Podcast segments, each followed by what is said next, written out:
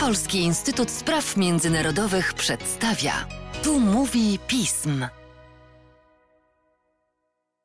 Dzień dobry Państwu, nazywam się Damian Wnukowski, jestem koordynatorem programu Azja-Pacyfik w Polskim Instytucie Spraw Międzynarodowych. Będę miał przyjemność dzisiaj porozmawiać z analitykiem tego właśnie programu, Oskarem Pietrewiczem, który specjalizuje się w sytuacji na Półwyspie Koreańskim i w Japonii.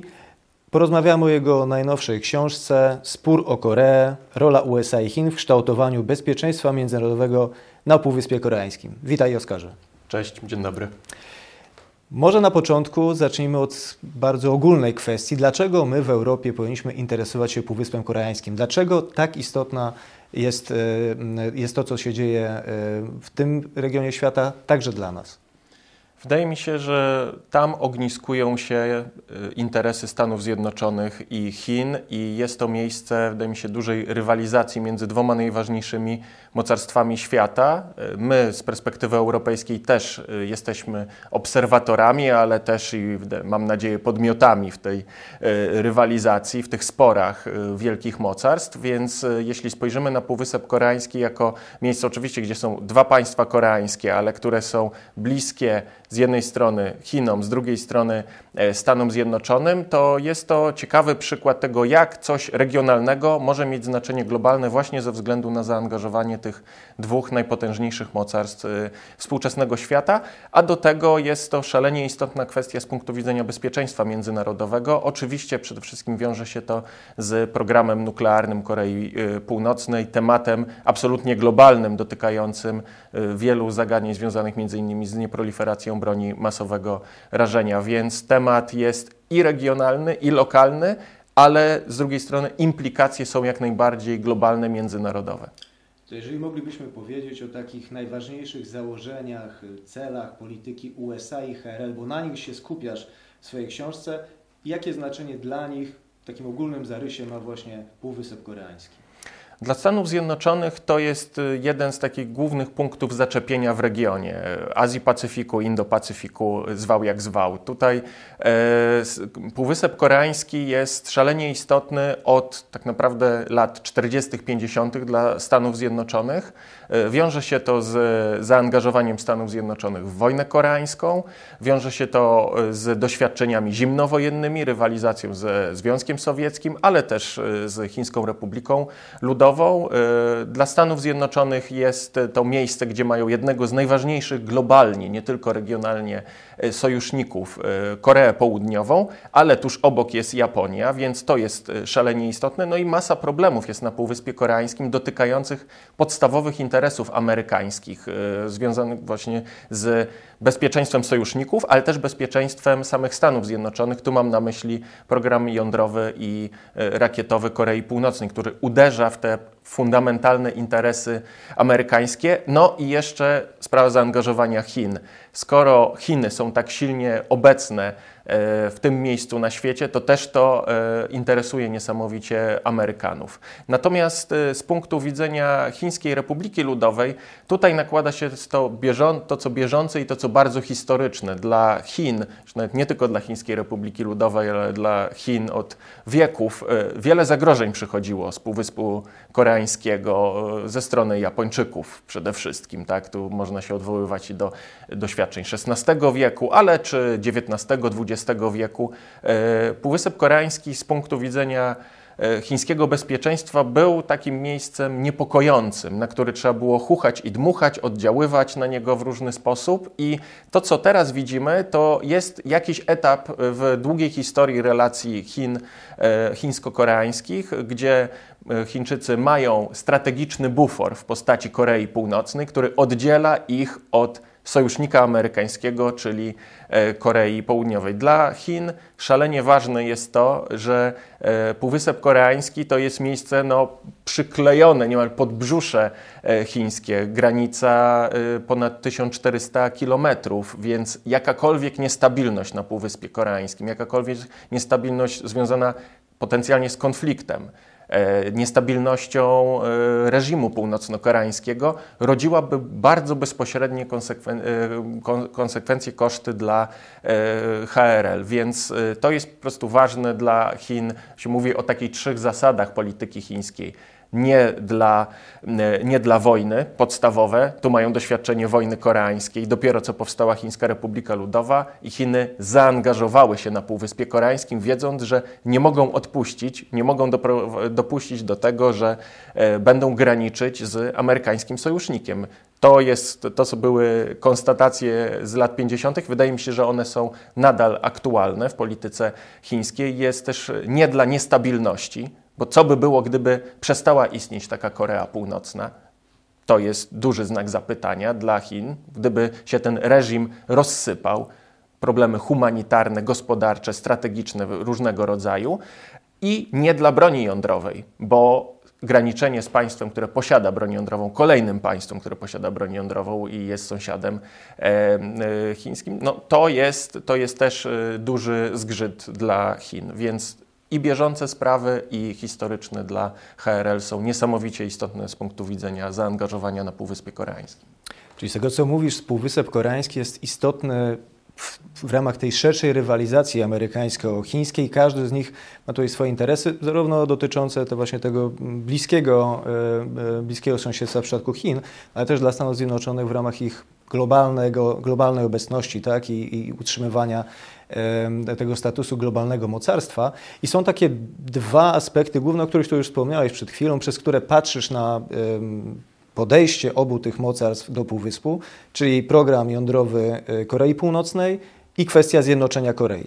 To może tak bardzo ogólnie, żeby zachęcić e, naszych słuchaczy i widzów do sięgnięcia po książkę, jak oceniasz, jakie są Twoje wnioski z, tych, z polityki USA i, i HRL do tej pory w stosunku, może najpierw do, w kwestii programu nuklearnego Korei Północnej, jakie możemy z tego też, e, jakie perspektywy możemy pokazać i co w swojej książce pokazujesz, jak, jakie mogą być, jaki może być dalszy rozwój wydarzeń, jeżeli chodzi właśnie o politykę tych dwóch państw w tym kontekście, w kontekście rozwoju potencjału militarnego Korei Północnej. No, y, można by było bardzo krótko podsumować. Seria niepowodzeń y, i polityki amerykańskiej, i polity, polityki chińskiej, jeśli chodzi o próbę rozwiązania czy nawet zarządzania problemem nuklearnym na Półwyspie Koreańskim. E, w książce pokazuje, jak różne metody stosowali i Amerykanie, i Chińczycy, żeby jakkolwiek zarządzać tą niestabilnością związaną z ambicjami na początku, a później już jednak z rozwojem e, konsekwentnym e, programu i potencjału jądrowego i jądrowo-rakietowego Korei Północnej. Amerykanie przez 30 lat, bo na tym się skupiam w książce, podejmowali próby i groźby, i prośby, i dialogu, i próby e, wywarcia presji bardzo silnej, często z groźbami wręcz przeprowadzenia interwencji militarnej w Korei e, Północnej. Każda metoda zawiodła. Mieliśmy bardzo charakterystyczny, i o tym też piszę w książce, czas administracji Donalda Trumpa, który zaczął od gruźb, że może dojść do tego, że on użyje tego swojego przycisku i kto ma większy przycisk, groził e, Donald Trump. E, okazało się, że Kim Jong-un się nie do końca przestraszył, bo jednak była to taka właśnie konfrontacja retoryczna, ale było masa obaw w 2017, że niestety może dojść do jakiejś eskalacji już konfliktu. E, na Półwyspie Koreańskim, ale później Donald Trump otworzył się na dialog. Na dialog, na jaki nikt przed nim się nie otworzył, jeśli chodzi o zaangażowanie no, najważniejszej osoby w Stanach Zjednoczonych i być może w ogóle najważniejszej osoby na świecie. Że prezydent Stanów Zjednoczonych otwiera się na bezpośrednie rozmowy. No i, i efekty presji, i efekty dialogu są e, niesatysfakcjonujące z punktu widzenia Stanów Zjednoczonych. Presja rozumiana może być w wydaniu y, amerykańskim w odniesieniu do problemu północno-koreańskiego jako konieczność znalezienia jakichś punktów wspólnych z Chinami, że nie ma możliwości presji sankcyjnej przede wszystkim, jeśli się nie współpracuje z Chinami. Chiny są niezbędnym elementem działań amerykańskich na rzecz dociśnięcia KRLD. Więc y, tutaj z kolei no, można powiedzieć, że nawet jeśli Amerykanie byliby nastawieni na wywieranie presji, to muszą pozyskać Chiny do wywierania tej presji na Koreę Północną. I ostatnie lata, ostatnie kilka lat pokazuje, że z tym jest gigantyczny problem.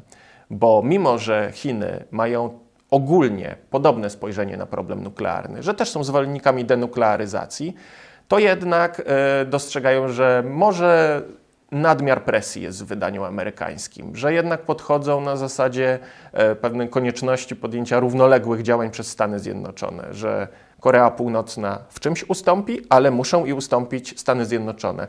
E, za rządów Xi Jinpinga e, Chiny proponowały tak zwane e, podwójne zawieszenie, to znaczy zawieszenie prób jądrowych ze strony Korei Północnej, ale też zawieszenie manewrów ze strony Stanów Zjednoczonych i Korei Południowej, więc podejście Chin jest bardziej, powiedziałbym, takie, żeby obie strony sporu, bo tak to przedstawiają Chińczycy, Stany Zjednoczone i Korea Północna, zrobiły coś wspólnie na rzecz rozwiązania problemu nuklearnego.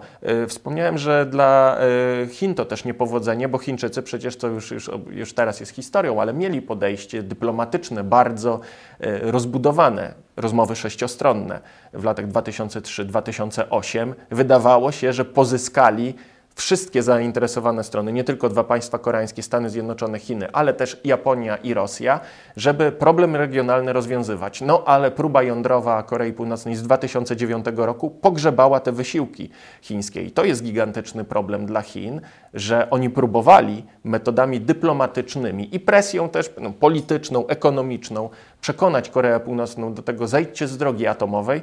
Korea Północna nie robi sobie z tego nic, mimo tego, że jest w ogromnej zależności od Chin. I wydaje mi się, że na przykładzie kolejnych prób jądrowych, rakietowych Korei Północnej widzimy, że e, Korea Północna jest bardzo niepokornym i trudnym sojusznikiem Chin, że Chiny nie kontrolują Korei Północnej, co jest też z pewnym mitów, jakie się często pojawiają, że Chińczycy mogą zrobić wszystko z Koreą Północną. Moim zdaniem, i staram się to pokazać w książce, klucze do rozwiązania problemu północno-koreańskiego nie leżą wcale w Pekinie. Czyli ten tutaj podejście do problemu nuklearnego i Stanów Zjednoczonych i Chin, niby cel jest podobny, natomiast sposoby jego osiągnięcia, metody, jakie chcieliby zastosować, e, są, są inne i też oczywiście wykorzystują zupełnie ten, e, ten aspekt do, do własnej rywalizacji. Jestem ciekaw, jak to wygląda w przypadku tego drugiego zagadnienia, które szeroko opisujesz e, w książce, czyli perspektywy czy możliwości zjednoczenia Korei. Jakie tutaj jest podejście Stanów Zjednoczonych i e, Chińskiej Republiki Ludowej? No tutaj też na poziomie ogólników jest podobnie. Jeśli w ogóle mówię o, w książce, piszę w książce o e, kwestii zjednoczenia, to jest sam dialog międzykoreański, bo zjednoczenie wydaje się niesamowicie odległe, trudne do zrealizowania. Pytanie, czym miałoby być, ale sam fakt, że od lat 90. Y, państwa koreańskie, od końca lat 90., zaczęły rozmawiać o dialogu, o zbliżeniu międzykoreańskim, to wymusiło na Stanach Zjednoczonych i Chin takie baczniejsze przyglądanie się, ponieważ perspektywa, że coś by się zmieniło w relacjach międzykoreańskich i zaszłaby jakaś forma zbliżenia, która mogłaby zaowocować reunifikacją, to byłaby gigantyczna zmiana w regionie. E, powstanie jednego państwa koreańskiego, czyli koniec tego układu, jaki jest międzynarodowego. E, koniec prawdopodobnie sojuszu Chin z Koreą Północną i sojuszu Stanów Zjednoczonych z Koreą Południową. Ale nie, można powiedzieć, i tu też w książce się nad tym zastanawiam, a co by było, gdyby zjednoczona Korea razem z potencjałem północno-koreańskim stała się sojusznikiem amerykańskim. No to ogromny problem dla Chin. Właśnie to, co, co wspominałem, że Chiny nie chcą graniczyć z sojusznikiem amerykańskim, mając na uwadze tę globalną rywalizację ze, ze Stanami. Więc y, to jest y, perspektywa zjednoczenia, te, te spotkania międzykoreańskie to jest ogromny ból głowy i dla Amerykanów, i dla Chińczyków, bo obawiają się, że nie mieliby nad kontroli nad tym procesem, że jeśli Koreańczycy zaczęliby coś sami robić, to przede wszystkim traktowaliby to jako sposób na takie skoreanizowanie tych problemów, że nie będą tą krewetką między wielorybami, tylko już delfinem albo właśnie też już takim niemal wielorybem, takim mniejszym wielorybem, który jednak chce być y, panem sytuacji na Półwyspie Koreańskim. Y, więc y, jest to podejście, wydaje mi się, i Stanów, i, i Chin pełne obaw, że zjednoczenie nie musiałoby pójść po myśli żadnego z mocarstw, że Zjednoczona Korea to jest jeden z, jedna z obaw e, chińskich, że byłaby państwem szalenie nacjonalistycznym, nacjonalistycznym, nastawionym wrogo do Chin. Jest duża wrogość, co, jest, co oddają badania opinii e, publicznej w Korei Południowej, ale z relacji na przykład ważnych uciekinierów północno-koreańskich, z elit północno-koreańskich, e, wiemy, że też nawet elity północno-koreańskie mają nastawienie bardzo krytyczne do Chin. A pamiętajmy o tym, że e, o czym rzadko się wspomina e, w kontekście sytuacji na Półwyspie Koreańskim. Koreańczycy nie podnoszą tego oficjalnie, tak, ale mają pretensje terytorialne do części Chińskiej Republiki Ludowej, do Mandżurii, bo tam bije serce historyczne e, Korei. Zresztą mieszka około 2-3 miliony mniejszości koreańskiej w, w pasie przygranicznym między Chinami a Koreą Północną. Więc gdyby była zjednoczona Korea, no to mógłby być jakiś kolejny problem dla, dla Chińskiej Republiki Ludowej. Dużo zależałoby od tego, jak to zjednoczenie by wyglądało. Czy byłoby poprzedzone upadkiem Korei Północnej, czy jednak na zasadzie dialogu. I e, Chińczycy i Amerykanie, mam wrażenie, liczą na to, że mogliby przeciągać ten proces dialogu, że chcieliby sobie zbudować pozycję uprzywilejowaną, żeby mieć jakiś wpływ na kształt dialogu międzykoreańskiego. I między innymi dlatego wydaje mi się w 2018 roku Xi Jinping się zaktywizował, że e, zaprosił Kim Jong-una do siebie po latach, powiedziałbym, pewnej niechęci, no bo to było w reakcji na e, zbliżenie międzykoreańskie, że przy, były przygotowania do szczytu międzykoreańskiego i wtedy Chiny zainterweniowały, że chcemy mieć kontrolę nad tym. Obawiamy się, że Koreańczycy między sobą wykombinują coś, co może nam stworzyć problemy. Więcej w książce piszę o, o, szczegółach, tutaj tak w rozmowie ogólnikowo. Chcę zaznaczyć, że przede wszystkim perspektywa zjednoczenia to jest otwarcie, jak e, mówił Adam Małysz, puszki z Pandorą. E, więc e, jest to masa potencjalnie dużych problemów związanych z tym, że ten układ relacji Stany Zjednoczone, Korea Południowa, Chiny, Korea Północna by się rozsypał i trzeba by było układać na nowo swoją pozycję na Półwyspie Koreańskim, na przykład z punktu widzenia Amerykanów. Skoro już nie ma Korei Północnej, to po co amerykańscy żołnierze na Półwyspie Koreańskim? No i Chińczycy by to no, mogli podkreślać. Nie ma Korei Północnej? No to po co wy jesteście? Ale jeśli Zjednoczona Korea byłaby bliższa Stanom Zjednoczonym, no to może obecność w Zjednoczonej Korei kilkudziesięciu tysięcy amerykańskich żołnierzy byłaby pożądana. Tu oczywiście mówimy o bardzo odległej perspektywie, e, gigantycznych kosztach, jakie by się pojawiły różnego rodzaju w, związku z zjednoczeniem Korei. Koszty, które musieliby też prawdopodobnie ponieść Amerykanie i Chińczycy polityczne, gospodarcze, wojskowe różnego rodzaju. Więc y, gigantyczny problem, który odnosi się też, wydaje mi się, do, wydaje się nam teoretyczny, ale odnosi się do bardzo konkretnych kalkulacji tu i teraz w wykonaniu HRL i USA. Czyli widzimy, że to byłoby wyzwanie, już teraz jest wyzwanie, jak podejść do tego tematu i ta perspektywa, którą przedstawię, rzeczywiście fascynująca. Co by się stało, gdyby Koree się zjednoczyły, ale rzeczywiście wydaje się to bardzo odległe. Niemniej jest, musi być to brane pod uwagę e, w kalkulacjach obu głównych mocarstw. No i te czynniki koreańskie, o których wspomniałeś, wciąż też jest ich, o, o nich sporo, że one muszą być brane też przez same i Stany Zjednoczone i przez e, Chiny w, swoich, w kształtowaniu swojej polityki. I właśnie chciałem dopytać, jak Twoim zdaniem Półwysep Koreański, to co będzie się działo też między Koreami, będzie wpływało na to, jak Stany Zjednoczone z, z Chinami będą rywalizowały, jakie miejsce będzie miał Półwysep Koreański e, w, no, w tej rywalizacji dwóch wielkich mocarstw?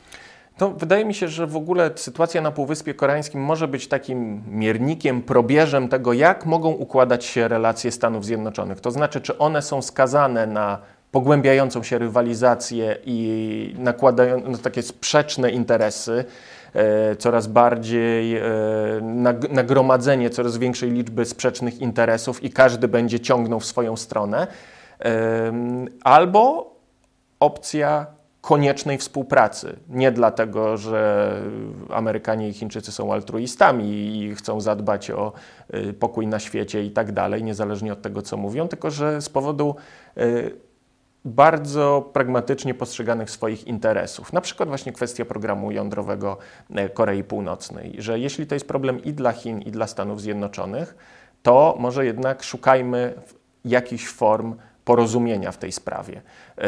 I były momenty 2016-2017, kiedy ta współpraca się zawiązała, kiedy Chińczycy docisnęli Koreę Północną sankcjami. Robili to pod pewną presją amerykańską. Najpierw administracja Obamy, później administracja Trumpa naciskała na Chiny, zróbcie coś z tą Koreą Północną, ale przy okazji pokażemy, że my, dwa największe mocarstwa świata, potrafimy ważny problem dla bezpieczeństwa międzynarodowego jakoś rozwiązać, coś nas łączy.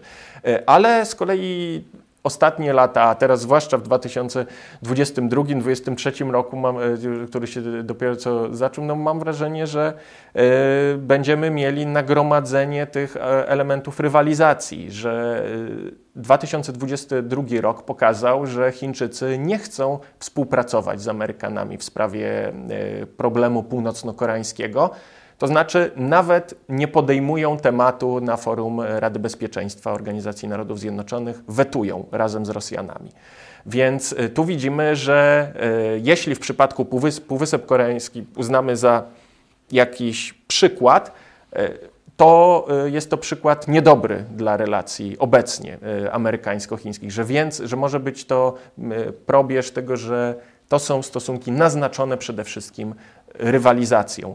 Ale nie przekreślałbym tych e, elementów e, współpracy, bo wydaje mi się, że e, masa problemów jednak łączy Amerykanów i Chińczyków. Pytanie jest czasem, czy szukamy, y, czy, czy chcemy iść tą samą drogą, czy równolegle, równolegle in, wieloma innymi drogami. No i pytanie, jak, będzie, jak będą postrzegać Amerykanie i Chińczycy to, co się dzieje na Półwyspie Koreańskim, bo mogą postrzegać, tak, i też masa jest przykładów, o, o czym piszę w książce, tego, że przede wszystkim polityka Stanów Zjednoczonych wobec Korei Północnej była odzwierciedleniem amerykańskiej polityki wobec Chin i w drugą stronę.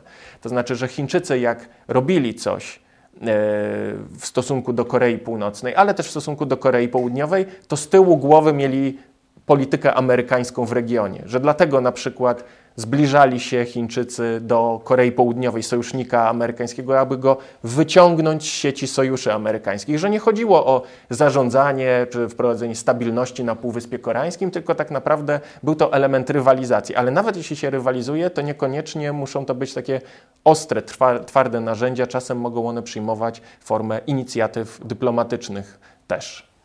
Tutaj wspomniałeś, to już może na koniec naszej rozmowy, trochę odchodząc też od samego Półwyspu Koreańskiego i e, rywalizacji na nim, czy też właśnie podejścia do niego tych dwóch głównych mocarstw, wspomniałeś, że Stany Zjednoczone mają system sojuszy w, w Azji Północno-Wschodniej. No, Japonia i, e, i Korea są, są, tymi, są tymi sojusznikami Stanów Zjednoczonych i z Koreą Południową ostatnio Polska również nawiązuje coraz bliższe relacje sojusz, który łączy Koreę ze Stanami, także nas łączy ze Stanami Zjednoczonymi, więc jest ten łącznik między Polską a e, tym, co się dzieje na Półwyspie Koreańskim. Wracając do początku naszej rozmowy, dlaczego warto śledzić sytuację? Między innymi dlatego, żeby zobaczyć, jak też ten system sojuszy działa, no i sama ta rywalizacja amerykańsko-chińska, o której wspomniałeś, że to jest to, co się dzieje w, na Półwyspie Koreańskim, to jest probierz tej rywalizacji, ona będzie rzutowała też na sytuację w innych częściach kraju, w innych częściach świata, także w Europie, także na to, jak Unia Europejska, Polska będą prowadziły swoją politykę.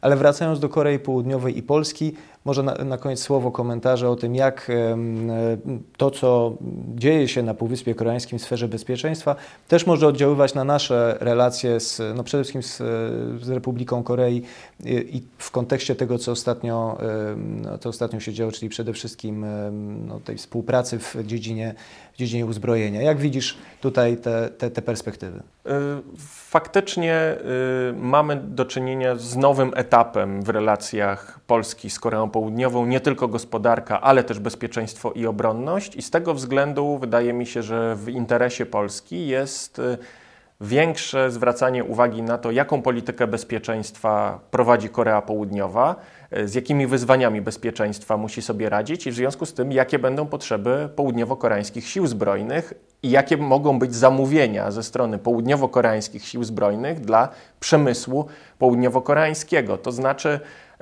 masa wyzwań na Półwyspie Koreańskim, wyzwanie rakietowo-nuklearne e, ze strony Korei Północnej będzie wymuszać na przemyśle południowo-koreańskim też produkowanie na potrzeby armii południowo-koreańskiej. I przed Koreą Południową jest bardzo trudne zadanie zadanie, to znaczy jak spełnić swoje potrzeby militarne na potrzeby swojego bezpieczeństwa, a równocześnie zrealizować ofertę eksportową do miejsca, które jest hen, hen daleko oddalone.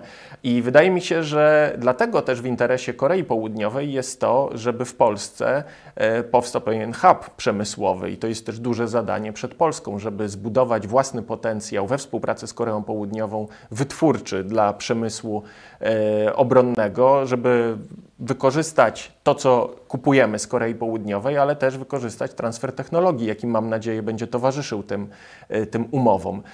I musimy po prostu, mam wrażenie, spoglądać na Półwysep Koreański jako coś, co coraz bardziej bezpośrednio nas będzie dotyczyć, miernik amerykańskiej polityki wobec sojusznika i też jak sojusznicy reagują na Stany Zjednoczone. W Korei Południowej między innymi trwa dyskusja bardzo pogłębiona na temat y, tego, co z parasolem nuklearnym y, Stanów Zjednoczonych, czy Korea Południowa powinna mieć y, własną broń jądrową. To są na razie wyłącznie dywagacje naukowe, akademickie, ale y, to pokazuje, że amerykańscy sojusznicy zastanawiają się nad tym, jak ułożyć sobie relacje z sojusznikiem. Absolutnie nie sugeruję tego, żeby w Polsce taka dyskusja rozgorzała. Mam na myśli to, że problemy bezpieczeństwa dotyczące Korei Południowej mogą być dla nas wskazówką, e, jaki to jest partner, jakie on ma potrzeby, co będzie mógł w kolejnych latach zrealizować dla rynku eksportowego, a jakie będzie musiał e, zrealizować e, cele w swoim kraju, bo prymat bezpieczeństwa Republiki Korei, no to będzie rzecz oczywista dla, dla rządzących w Seulu. I jeszcze oczywiście Półwysep Koreański będzie dla nas ważny jako miejsce, gdzie jesteśmy zaangażowani dyplomatycznie, mimo tego, że nasza placówka niestety musiała wstrzymać działalność w Pjongjangu, ale ciągle mamy placówkę e, północno-koreańską w Warszawie. E, to, co dzieje się na Półwyspie Koreańskim, wbrew pozorom e, nie jest obce Polsce i mamy pewne możliwości, żeby się tym wszystkim na Półwyspie Koreańskim i przyglądać i działać jako tako na miarę swoich możliwości na rzecz stabilizowania, oddziaływania na bezpieczeństwo na Półwyspie Koreańskim. Przede wszystkim kanałami dyplomatycznymi, ale one są równie ważne. Czy wynika z naszej rozmowy, że tych nici łączących Polskę, Europę z e, Półwyspem Koreańskim. W ogóle w tym skomplikowanym układzie globalnym jest bardzo sporo, jest bardzo dużo, więc e, tym bardziej warto wiedzieć, jak wygląda sytuacja, jak się rozwija, jak, jest, jak ewoluowała sytuacja na Półwyspie Koreańskim. I w tym celu książka Spór Korea na pewno pomoże i e, wprowadzi w te, w te tajniki. Bardzo dziękuję Ci, Oskarze, za rozmowę. Zachęcamy wszystkich Państwa do nabywania książki wydanej przez Polski Instytut Spraw Międzynarodowych. Jest dostępna w księgarni pismu, zarówno w wersji książkowej, jak i elektronicznej. Dziękuję bardzo za uwagę. Do widzenia.